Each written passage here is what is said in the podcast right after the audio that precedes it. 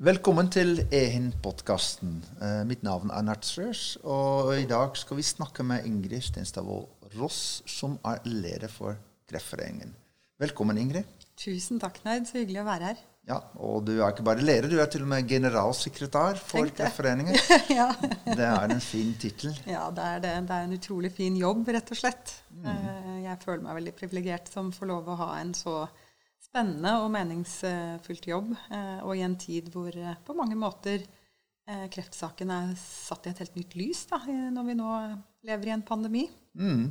Ja, du, er, du, ble utnevnt for et år siden, mm. så du har hatt mye av din uh, rolle som generalsekretær i pandemitiden. Men du har jobbet lenge før det også i Kreftforeningen som kommunikasjonsansvarlig. Uh, og hva, hva, gjorde du før du begynte i Kreftforeningen? Kan du fortelle litt om det? Ja, jeg har på mange måter eh, vokst opp i frivillig sektor. Jeg. Eh, jobbet i ulike frivillige organisasjoner. Hørselshemmedes Landsforbund. Jeg hadde Geir Lippestad som min første sjef. Okay. Eh, utrolig fin sjef å ha. Fin eh, introduksjon til arbeidslivet. Eh, jobbet i Nasjonalforening for folkehelsen. Så, så, ja, rett og slett frivillig sektor eh, er min bakgrunn sånn jobbmessig. Uh, og i disse ulike organisasjonene så har jeg jobbet med politisk påvirkningsarbeid. Mm. Så det å eh, gjøre rett og slett uh, samfunnet bedre for de gruppene man representerer, det har vært min jobb hele veien. Og var også min inngang til Kreftforeningen. Mm. Så jobber du lenge på kommunikasjonsavdeling og har jobbet med å synliggjøre Kreftforeningen i, i Norge som en viktig, viktig aktør innenfor helse. Det er helt riktig. Jeg ledet kommunikasjon- og samfunnsavdelingen, som den heter hos oss. da. Um, og det er delvis et uh, stort arbeid med å synliggjøre kreftsaken for folk flest. Uh, komme ut med god informasjon om, uh, om, kreft og behandlingsmuligheter og forebygging og den type ting. Og så er det selvfølgelig det å sette dagsorden for å påvirke politisk, som også er en del av den jobben. Eh, og begge de tingene har jeg lang erfaring med før jeg ble generalsekretær. Og det, det tar jeg med meg. Veldig viktig for meg, og, og, viktig, og egentlig en sånn trygghet å både eh, kunne mye om kreft, om kreftfeltet, og også eh, er det mye i kommunikasjonsfaget som jeg tar med meg inn i topplederstillingen. Mm. Og, og vi, begynte jo i starten av 2020, og vi kan se det som starten også på et nytt, nytt tiår i, i utviklingen. Vi vet at mellom 2020 og 2030 kommer det skje veldig mye med, med tanke på teknologiutviklingen, hvordan vi tenker på helse, mye rundt, rundt kreft. så det er en, absolutt en veldig viktig stilling og rolle du har, å dra pasientperspektivet inn i, i, dette her, og, og frivillig perspektivet. du sa jo du har jobbet mye med kommunikasjon, og så kom du inn i en lederstilling. Eh, tok over etter eh, Annelise Ryel, som hadde vært sittet lenge som leder i Kreftforeningen. Mm. Hvordan er den overgangen? Hvordan ser du ut fra den kommunikasjonsperspektivet nå i den rollen du har nå?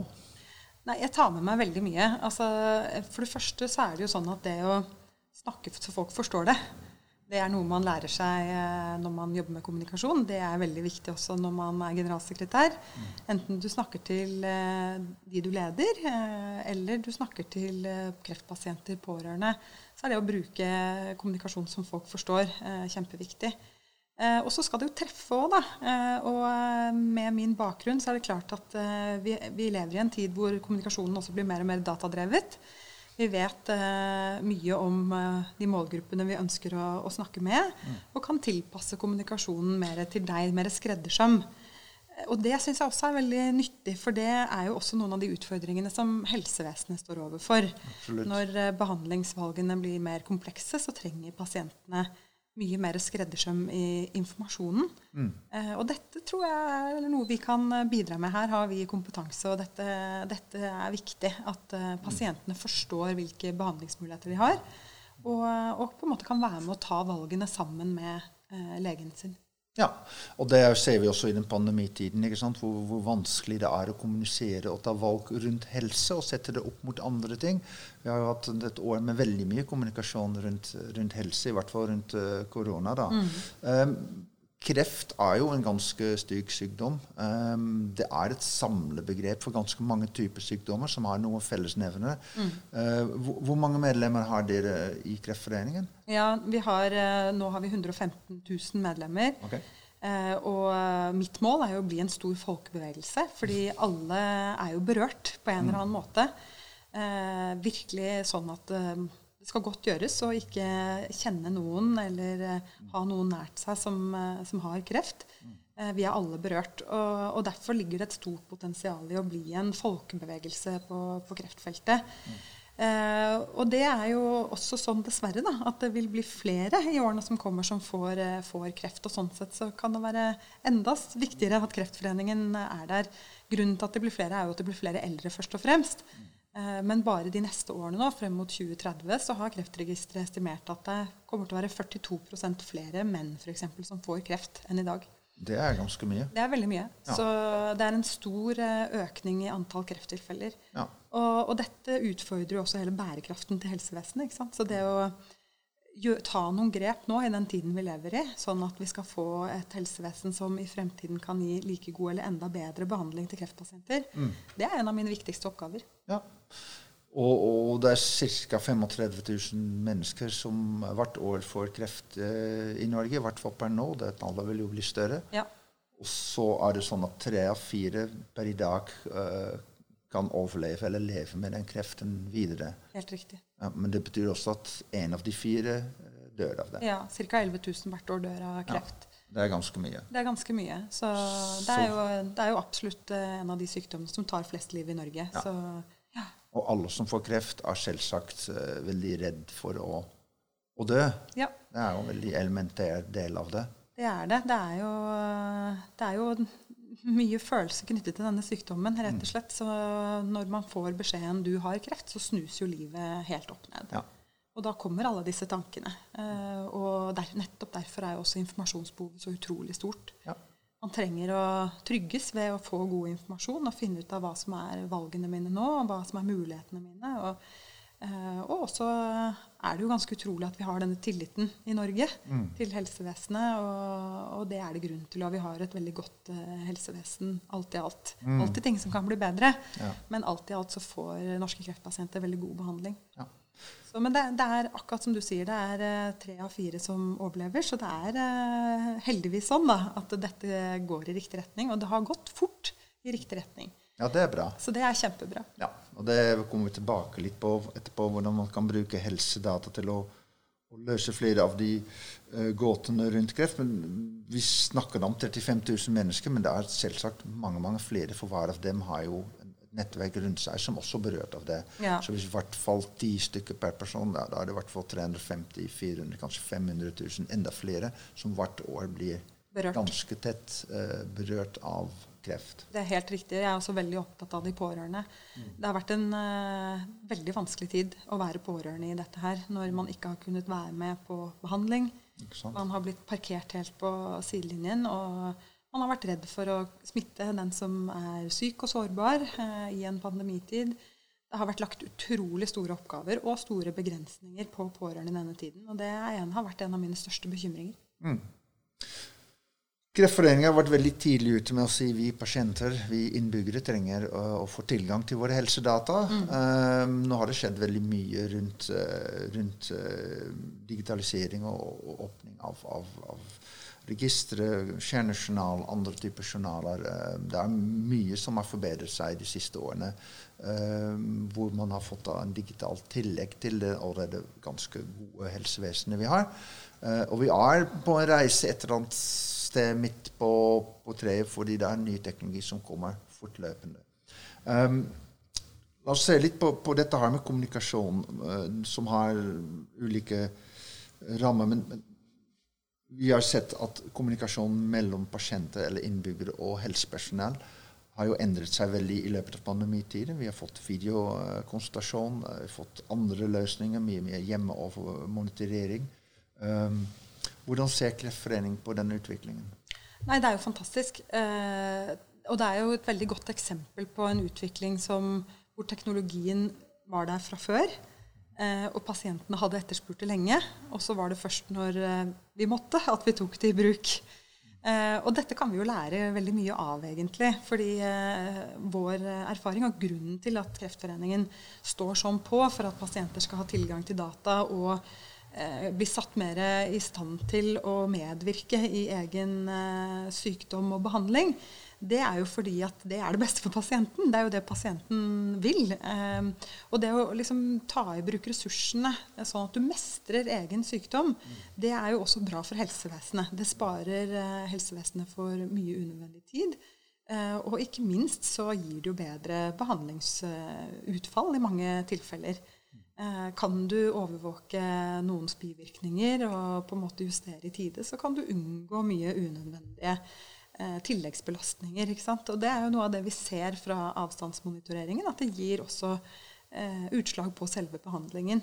Men, men, utgangspunktet vårt er jo at det er dette pasientene ønsker seg. Mm. Eh, og det er jo sånn at pasientene tror ofte at det er sånn. Eh, når, blir, når, man ikke har vært pasient før, og man kommer inn i en kreftbehandling f.eks., så tror man at uh, uansett hvor jeg behandles, så har legen den nødvendige informasjonen om meg. Man tror at uh, Selvfølgelig så er det mulig for meg å få kontakt med en behandlende lege på, på FaceTime eller hva det skulle være. Men sånn uh, har det jo ikke vært. Mm. Uh, og til manges store overraskelse. Så, så her, uh, her, har det skjedd veldig mye i pandemitid, og veldig mye av dette kan vi lære noe av. fordi at det har ikke stått på pasientene, og det har heller ikke stått på teknologene. egentlig. Løsningene har jo ligget der. Ja. Da er det andre ting som har gjort at det har gått sakte før, og, det, ja. og, og, at det har gått fort nå. Ja, for det er jo et spørsmål. ikke sant? Eh, Bent Høie, som har sittet lenge som helseminister, og i ganske mange år, den lengste i Norge, um, har snakket mye om pasientenes helsevesen, um, eller innbyggernes helsevesen, som jeg kanskje heller hadde ønsket han hadde sagt. Men, uh, men har det vært nok fokus på, på pasient- eller innbyggerperspektiv i, i, helsesektoren før, eller måtte det en pandemi til å virkelig få, få fart på, på videokonsultasjon og andre løsninger? Ja, altså Det har jo skjedd mye, men, eh, men vi er jo utålmodige. Eh, og jeg syns jo ikke det går fort nok. Eh, det syns jeg ikke enda, faktisk, selv om det har skjedd mye i pandemitid. Jeg tenker at Hvis man virkelig hadde satt pasienten i sentrum, så hadde man f.eks. tatt inn over seg hvor mye unødvendig tidsbruk en pasient bruker i et behandlingssystem. Eh, og det er noe av det som videokonsultasjon egentlig viser. da, eh, Hvor mye unødvendig reising, hvor mye unødvendig venting, hvor mye bomturer man kan ha. Eh, men videokonsultasjon alene er jo ikke nok for å snu dette. Fortsatt er jo mange pasienter som ikke kan ta røntgenbilder der hvor de bor når de skal behandles på et annet sted, fordi røntgenbilder kan man ikke sende. Eller så man må reise flere ganger over lange avstander for å få den uh, behandlingen man skal ha. Og det er jo egentlig ikke å sette pasienten i sentrum. For pasienten kan, det går an å løse dette på enklere måter. Og pasienten hadde kunnet bruke tiden sin på andre måter. Så, så jeg syns jo også det går for sakte. på en måte. Jeg er utålmodig. Eh, og så skjønner jeg at det er komplisert. Men, eh, men vi kunne gjort enda mer. Mm. Og, og, og, du sier at det er viktig med kommunikasjon med, med pasienter og innbyggere. Vi, vi, ser jo i den pandemitiden at det, det løfter seg litt hvor vanskelig det er å ta kvalifiserte valg rundt en sykdom og sette ulike uh, verdier opp mot hverandre. Um, og det tenker jeg for kreftpasienter gjelder veldig mye i, i deres private liv høyest, i høyeste grad. Om man skal ta en behandling og bli syk av det, eller om man skal ikke gjøre det, men ha en sjanse å dø tidligere, men ha mer tid med med uh, sine, sine, pårørende og mm. familie. Um, vi ser at det dukker opp mange flere behandlingsmetoder stadig vekk, uh, som Norge tilbyr. Noen ganger tilbyr man det i utlandet. Så, så, jeg kan tenke meg at for individer er det et veldig vanskelig valg man står opp i, som kanskje stadig blir mer og mer kompleks. Uh, hvordan ser dere på den kommunikasjonen rundt en pasient? Nei, Du beskriver det helt riktig. Hvis man eh, var brystkreftpasient for 20 år siden, så var det noen standardbehandlinger. Det var kirurgi, det var cellegift. Det var ganske sånn standard. Du var i en, rett og slett en stor pasientgruppe. I dag så er jo brystkreftbehandling basert på genetikk. Eh, så du skal ha en annen behandling enn den pasienten du kanskje ligger på rom ved siden av. Eh, basert på dine gener. Og det gjør jo at du får veldig mange flere behandlingsvalg og veldig mye mer komplisert informasjon egentlig, som du skal forstå. Eh, og her mener jeg jo at helsevesenet har en lang vei å gå enda, eh, ved å rett og slett ta på alvor at man skulle hatt virkelig gode samvalgsverktøy. da. eh, som gjorde at pasient og lege sammen kunne si noe om hva som var behandlingen, basert på hva som er viktig for pasienten. Mm. Og det har skjedd en del, men, men jeg treffer jo altfor ofte f.eks. menn med prostatakreft som ikke skjønte konsekvensen av det ene behandlingsvalget mot det andre, og som syns at det, den behandlingen man har gjennomgått, har gjort for mye med livskvaliteten. Det var ikke verdt det. Og det er jo ganske viktig eh, å fange opp det i tide. Spørre hva er viktig for deg. Ja. Eh, og ta valg ut fra pasientens egne preferanser og ressurser. Ja, for man har, føler ofte at man har dårlig tid og for mye informasjon. Får man kreft, så er det en, det er en progressiv sykdom som man ønsker å gjøre raskest mulig noe med det. Og så er er det, som du sier, det er mange behandlingsvalg, og det er jo vanskelig å ta de valgene. Det er stadig mer informasjon. det er ulike tolkninger for informasjon. Hvordan ser du for deg at, at er, det, er, det, det offentlige som skal ta ansvar for den informasjonen, eller er det frivillige som skal ta ansvar for den informasjonen? Hvordan ser dere for deg at, at man kan løfte den kvaliteten? Jeg tror det må utvikles et partnerskap, eh, egentlig. Jeg tror at uh, det er ingenting i, veien med måte, hvordan legen kommuniserer muntlig én-til-én med sin pasient. Det er en del av uh, helsepersonell, det gjelder ikke bare leger, men alt helsepersonell, også sykepleiere, er jo gode på én-til-én-kommunikasjon med pasienter. Så, så, det er ikke det dette handler om. Det handler jo om det å eh, få teknologi som kan gjøre at eh, det oppleves som skreddersøm i forhold til akkurat min situasjon, og at jeg gjøres i stand til å forstå og velge det som er viktig for meg. Eh, og da tror jeg teknologer, brukerorganisasjoner, eh, helsevesen må komme sammen eh, og, og, finne bedre løsninger på det. Og med persontilpasset medisin, hvor egentlig man på en måte er litt ferdig med den tiden hvor man tenker pasient, store pasientgrupper. Alt handler om din genetikk og din profil. Så tror jeg dette blir enda viktigere. Mm. Ja, for da nevner du to ting som er uh, veldig viktige. Det ene er genetikk, og det andre er uh, persontilpasset medisin, eller mm. presisjonsmedisin. Det er ulike måter å og, og, og, skrive det. Og det, det, handler om at vi har data som kan gi oss eh, individuelle valg eh, hvordan vi skal behandles. Eh, for, for, kreft, men også for andre sykdommer. Mm.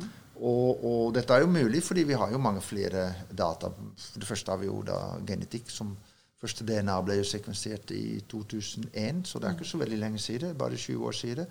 Og kostet den gang 100 millioner dollar. Og nå kan du få den samme testen for noen tusenlapper. Eh, eh, så, så, det er jo en enorm revolusjon der. Men vi har også mange flere data. Atferdsdata, pulsklokker, eh, luftkvalitet, you name it. Vi kan legge mange flere datasett sammen og se at antall data vi har, øker enormt. og det er jo en veldig interessant tanke hvordan man skal inn, vi skal i Norge og i andre land bruke de dataene, og hvem skal eie dem, hvem skal på en måte få lov å forske på dem, og hva er konsekvensen av den forskningen. Så det er, og det tenker jeg er noe som skjer, kommer til å skje veldig mye mellom 2020 og, og 2030. Mm. Og kreft var kanskje et, en av de sykdommer som er mest preget av, av den delen. Mm. Er, forskningsfronten er jo ofte på kreft. Det er jo et så stort internasjonalt forskningsfelt. Så F.eks. på presisjonsmedisin så gjelder jo det like mye for sjeldne sykdommer etter hvert for andre sykdommer også. Men fordi kreft er så svært, så går kreft litt foran. på en måte Blir litt sånn lokomotiv for utviklingen. Eh, og det er vi veldig bevisst i Kreftforeningen. Det gir, gjør at vi også må ta et, et, stort ansvar for å prøve å, i partnerskap med andre, da, finne de beste løsningene for dette. Men det er akkurat som du sier, I, alle, i innsamlingen av alle disse dataene så ligger det jo enorme muligheter. Eh, og jeg er jo veldig optimistisk. Jeg tenker jo at dette er, eh, dette er data som kan gi oss mye flere svar, så flere overlever kreft. Og også faktisk så færrest mulig får kreft. Altså vi kan bruke den inn i forebygging. Eh, men det fordrer jo at vi gjør de rette tingene. da, eh, Både på regulering og ja, at vi griper mulighetene på rett eh, måte. Uh, og eh, for pasienter, og i forhold til de som vi snakker med medlemmer i Kreftforeningen osv., så, videre, så er det jo et, på en måte et paradoks at det er mye lettere for meg å gi et samtykke til svære amerikanske kommersielle selskaper eh, om å bruke mine data, enn det er uh, å egentlig gi mitt samtykke til at helsevesenet kan gjøre det. Mm. og det er jo sånn som ikke vi forstår, hvorfor det er så mye enklere. så vi tar jo til orde for en type sånn samfunnskontrakt hvor, eh, hvor det, er, eh, er en del av, av vårt felles ansvar å forvalte dataene på en god måte. Det, det fordrer selvfølgelig at personvernet er ivaretatt. Mm. At jeg kan være trygg. Mm. Men hvis jeg kan være trygg, og det tror jeg vi kan klare å løse, da er det mitt eh, samfunnsansvar å, å, bidra til at data brukes og deles til det beste for alle.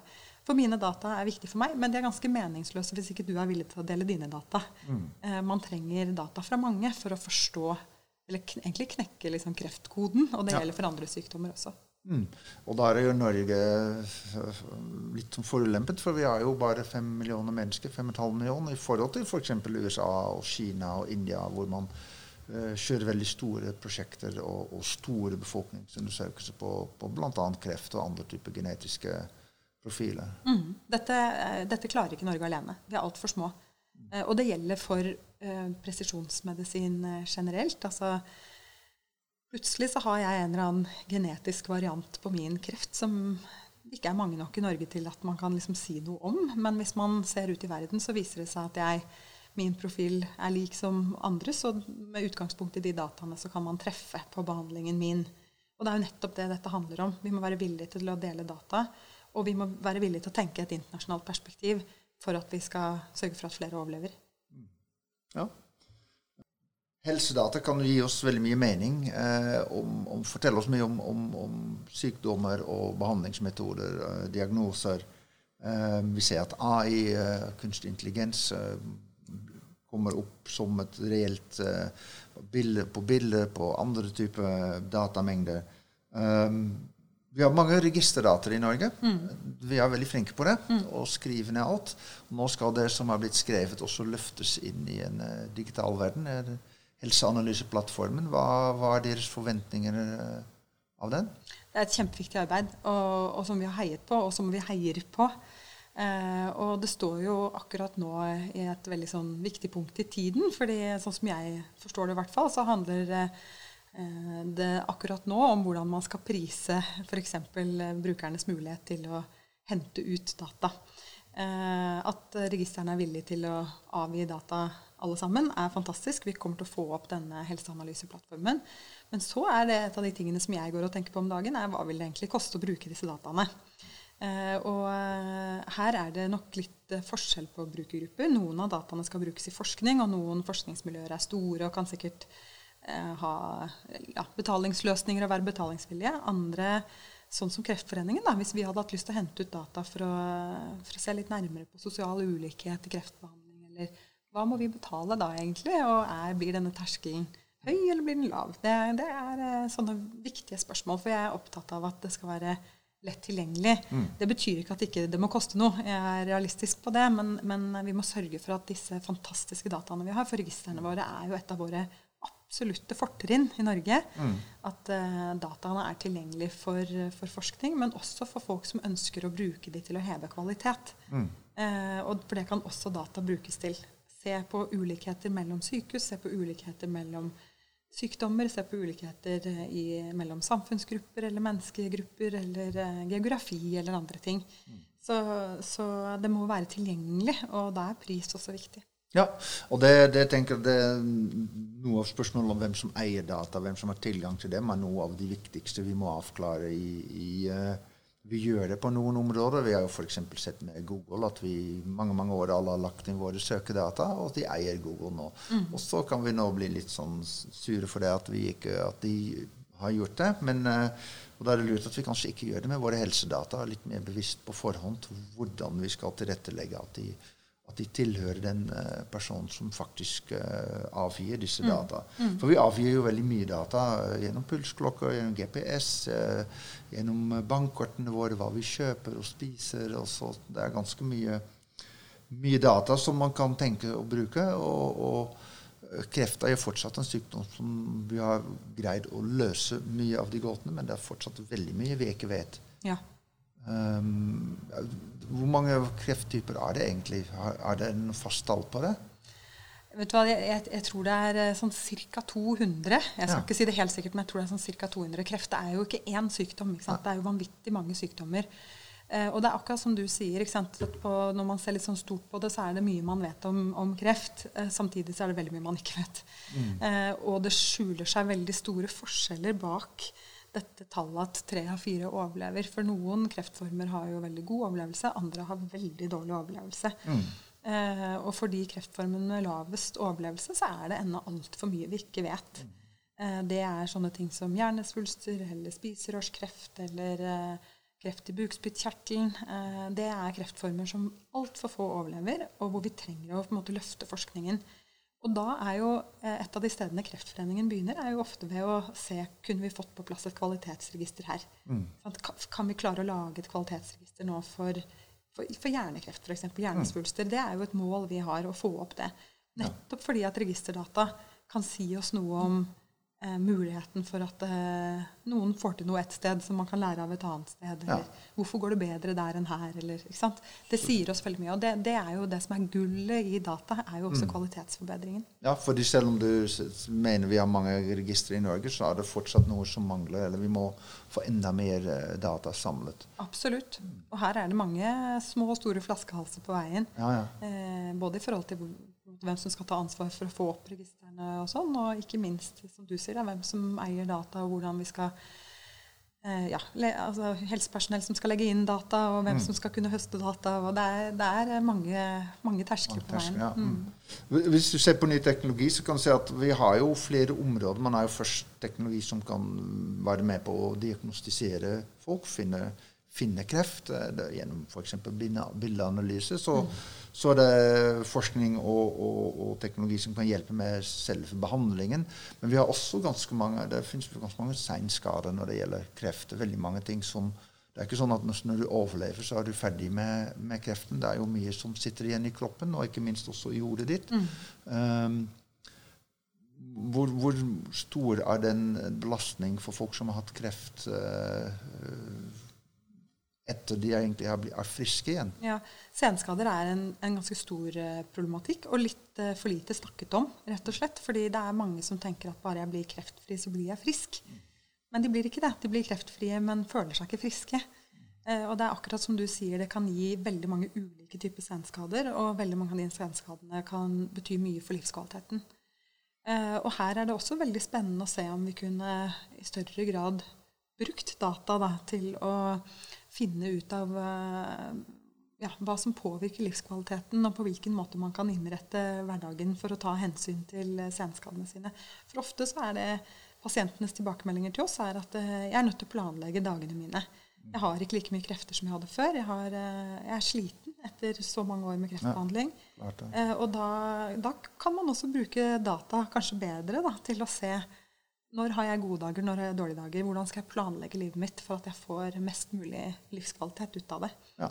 Eh, så det er masse sånne felter som vi kanskje ikke snakker nok om. Mm. Og hvor ikke data det, det, blir fort at vi snakker om nettopp presisjonsmedisin eller mm. eh, ja, eh, de litt sånn harde endepunktene, da, for å si det sånn. De, de, de tøffeste delene av kreften men, og kreftforskningen. Men på senskader og også på forebygging kjempestort potensial. Ja. Ja, for det er jo mange apper. Det går jo mye på, på uh, eh, f.eks. rehabilitering og trene opp kroppen igjen. Mm. Det er mange ting man kan gjøre både på, på distanse med, med, ekte mennesker, men man kan også bruke apper og andre ting og hjelpe folk. Og, uh, og på det psykiske kan man jo hjelpe mye. Uh, det er mange som, som, får angst og depresjoner ut av, av kreftsykdom. Og Det er jo ting som kan gjøre med Og vi har jo et ønske i Norge å få bygge en helsenæring. Um, og, og, den er jo kommet så vidt litt i gang, men jeg tenker det kan, skje, kan gjøres veldig mye ut fra de for så vidt gode rammene vi har for helse eh, i Norge. At mm. man bygger gode digitale løsninger oppå det. Mm. Jeg er helt enig. Eh, vi har masse spennende helsenæring i, i Norge. Det er jo en av de tingene som jeg tror vi kommer til å leve av i fremtiden når vi ikke har oljen uh, mer. Eh, og hvis man skal ta med seg én ting fra 2020 Jeg tror når man får lagt eh, på en måte pandemitiden bak seg og får litt distanse til den, så tror jeg at kanskje den viktigste gevinsten som kommer ut av denne tiden, det er vaksineteknologi. Eh, og disse, disse covid-19-vaksinene de står på skuldrene til kreftvaksiner. Dette er samme teknologien. Og vi er ledende i Norge på en del vaksineteknologi. Vi har masse spennende selskaper som hevder seg internasjonalt. Så det, vi er gode på en del helsenæring i Norge. Men det er andre felt hvor brukernes behov er veldig store, eh, og hvor det er stort potensial for å utvikle mer helsenæring. Eh, og, og, sånn sett tror jeg veldig på dette med partnerskap og samarbeid. Da, at det å komme tettere på ja, at næringen kommer tettere på Kreftforeningen eller brukerne, sette brukerne i sentrum, så kunne man utviklet enda mer og bedre løsninger med utgangspunkt i pasientens behov. Mm. Og så er Kreftforeningen en frivillig organisasjon. Dere baseres jo på, på, frivillige bidrag, selv om dere er en stor profesjonell eh, organisasjon.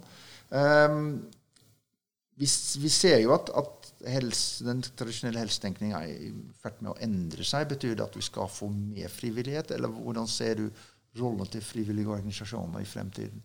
Jeg tror eh, frivillige organisasjoner kommer til å bli viktigere. Eh, og det er mange grunner til det. Men en av grunnene er at eh, vi kommer ikke til å klare å holde det samme utgiftsnivået til offentlig sektor i fremtiden som det vi har i dag. Det er ikke nok inntekter i oljen, og flere blir gamle. Og disse tingene har jo regjeringen pekt på i sine perspektivmeldinger i årevis. Og da er det sånn at jeg tror vi kommer til å få både stat og kommune som må gjøre de oppgavene de er nødt til. Men en del andre oppgaver må løses av andre. Eh, mm. Og da er det et rom for næringslivet, men det er det også for frivillig sektor.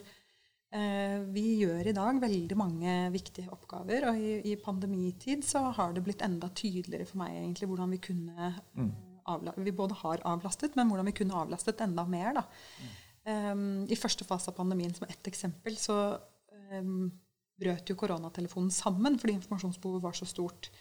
Og etter et par dager så tok eh, Helsedirektoratet kontakt med Kreftforeningen, så vi svarte ut de telefonene som handlet om korona og kreft. Og det var mange, mange tusen telefoner. Um, men det er klart at vi kunne tatt et større Vi er gode på informasjon. Vi har drevet med, med informasjon til befolkningen i hele vår uh, virketid. Vi har en rådgivningstjeneste med kjempeflinke fagfolk, sykepleiere, sosionomer, som svarer på spørsmål, helserelaterte spørsmål hver dag hele året det er klart vi kunne tatt eh, en enda større jobb og ansvar.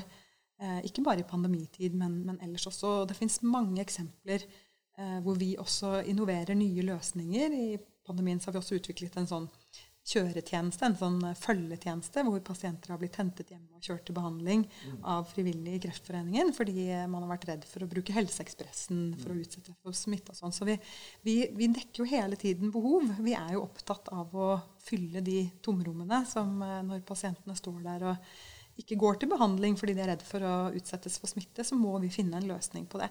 Og den type innovasjon den skjer også i vår sektor. Ikke bare i Kreftforeningen, men i alle frivillige organisasjoner har det vært en enorm innovasjonskraft i denne tiden.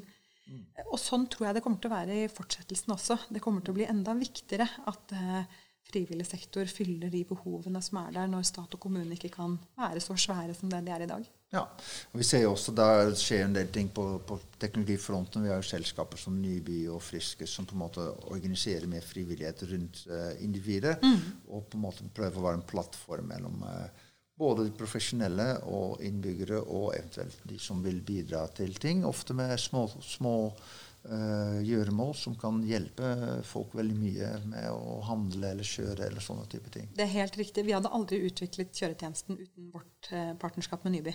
Mm. Det er et etablert partnerskap som vi har, og har vært utrolig viktig for å utvikle den type tjenester. På samme måten har vi samarbeidet med No Isolation i forhold til utviklingen av Kompen, hvor også Kreftforeningen tok utgangspunkt i brukerbehovene. Eldre isolerte kreftpasienter var starten på utviklingen av Kompen til No Isolation. Så vi har mange gode eksempler mm. egentlig, på at vi inngår i partnerskap med eh, næring, mm. teknologinæring, som, eh, som, gjør det mulig for oss å i enda større grad eh, treffe de vi er til for. Og som også gjør det mulig for frivillige å gjøre en enda bedre jobb. Så det er et kjempeviktig partnerskap. Og Kompa da en, en, en, en, skjerm hvor eh, eldre som ikke kan håndtere vanlige dataflater, kan kommunisere med sin familie og, og pårørende. har blitt en stor suksess både i Norge og også i utlandet. Ja, det burde jeg forklart. Det er helt riktig. Det er en, måte du kan kommunisere på som er eh, enkel og intuitiv, og som er utviklet med utgangspunkt i eldre mennesker. Så det skal være mulig for de også å se bilder og snakke med og få filmer fra familie og venner. Ja, og ikke minst eh, Jeg har hørt fra mitt uh, førerland Nederland at det er folk som har kjøpt den i Nederland. Så den er et eksportprodukt. Det er også noe vi kan vise frem at det er noe vi kan, vi kan bidra med til verden med våre gode måter å ta vare på eldre. At man kan utvikle teknologi på det, som da blir et eksportprodukt uh, ut i verden. Mm. Um, I år skal vi ha et valg. Uh, og valget har hatt interessante hendelser, for da kan man uh, forvente at det kanskje kommer noen nye ting på bordet. Uh, nå har det skjedd veldig mye med, med, helse de siste årene, så jeg vet ikke om du først kan si noe hva du er fornøyd med den nåværende regjering har fått til. Mm. Og så kan vi se litt etterpå hva man kan ønske seg mer oppå det. Mm. Altså, Den sittende regjeringen har fått til utrolig mye. vi vi har eh, lagt bak oss eh, år nå hvor vi har gjort store investeringer i nettopp eh, presisjonsmedisin, hvor vi har fått eller Det er jo ikke helt oppe og står ennå, men vi kommer til å, å, få tarmkreftscreening. Vi har satset på HPV-vaksiner. Det, det, er veldig mye som har skjedd eh, under denne regjeringen. Ikke minst innføringen av de såkalte pakkeforløpene på kreft. Altså For noen år tilbake i Kreftforeningen så var det sånn at de aller fleste henvendelsene som vi fikk fra folk, det handlet om ventetid. Hvor vondt det var å vente. Jeg har fått kreft, og jeg vet ikke når jeg kommer til behandling. Jeg vet ikke hva som skal skje. Jeg bare venter. Den ventingen den var altså et så stort onde eh, som vi brukte enormt mye tid på å snakke med folk om. Eh, og med disse pakkeforløpene, da, som egentlig er en sånn standardisering av du har fått kreft, og nå skal dette skje, i denne rekkefølgen, eh, det har betydd utrolig mye for, ja. Eh, for, å trygge pasienter og gi en forutsigbarhet. Eh, og også gi en, eh, egentlig en kvalitetsforbedring, for man kan sammenligne tallene, da selvfølgelig. Det, og det har også vært innført av denne regjeringen. Så det har, vært, det har vært gjort veldig mye bra og viktig på kreftfeltet. Og så er det jo alltid noen ting vi skulle ønske eh, ja, det var satt enda mer trykk på. Ja, og det er jo interessant å spørre hva, hva er din, eller deres ønskeliste for, uh, for, den nye regjeringen, hvem det nå måtte være. Har dere noen veldig konkrete punkter som jeg tenker da særlig i retning av, av dette her med genetikk, helsedata, uh, persontilpasset medisin?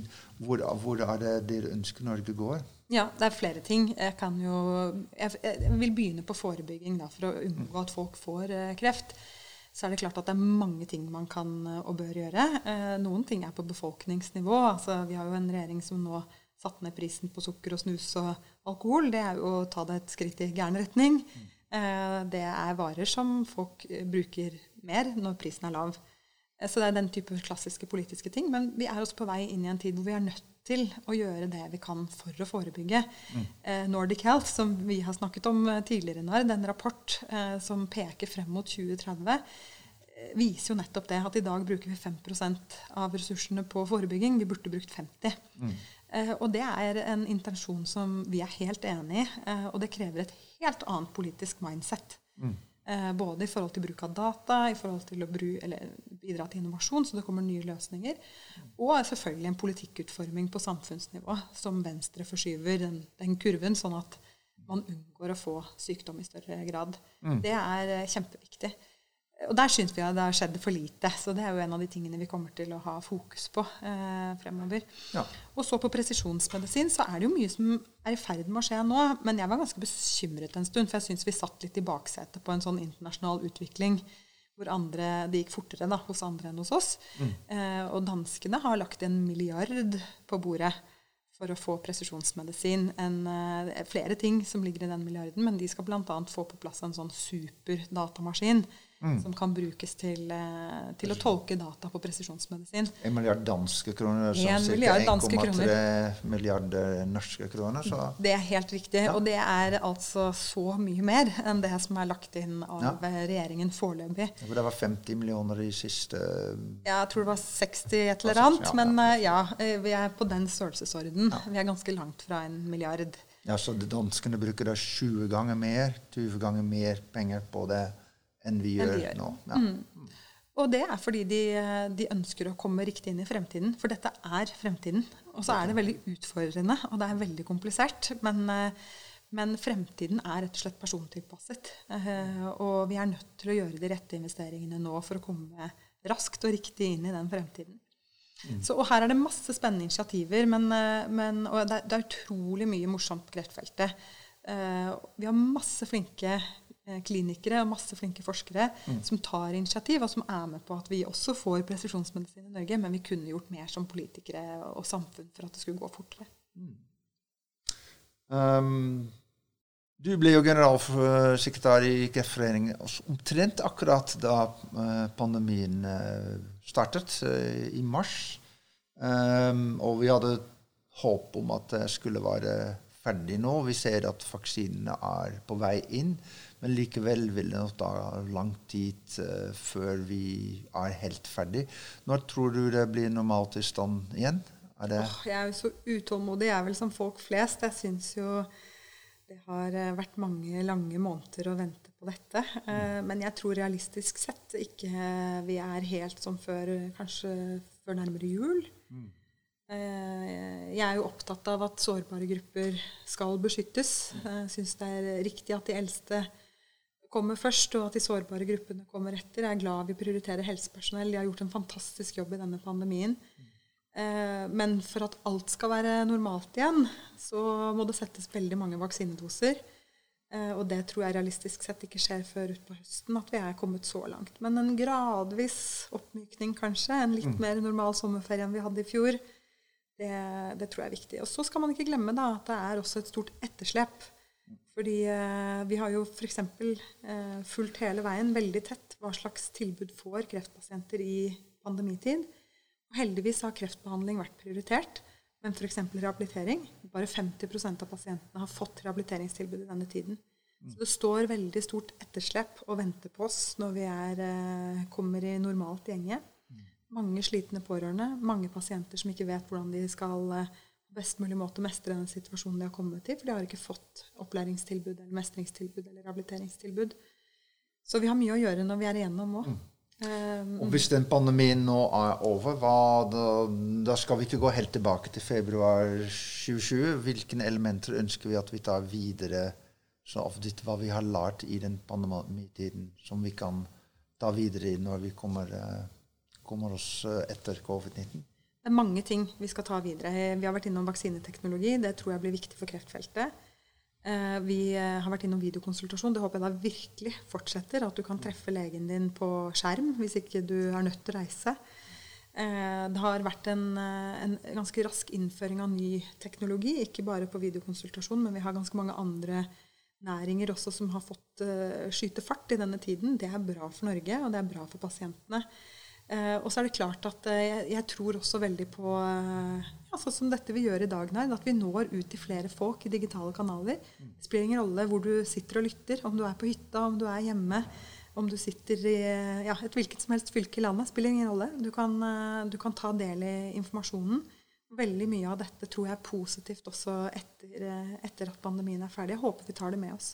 Ja, helt riktig. Hadde vi hatt uh, denne samtalen i Vitensenteret til Kreftforeningen, hvor vi befinner oss nå, med uh, live publikum og ikke digitalt, så hadde det bare folk fra Oslo som har fått det med seg. Vi håper at det er mange fra hele Norge som hører på denne podkasten. Tusen takk uh, til deg, Ingrid. lykke til med arbeidet videre med Kreftforeningen. Og vi kommer sikkert tilbake til deg i dette valgåret for å spørre om flere ting. men takk for at du deltok. Tusen takk for at jeg fikk være med.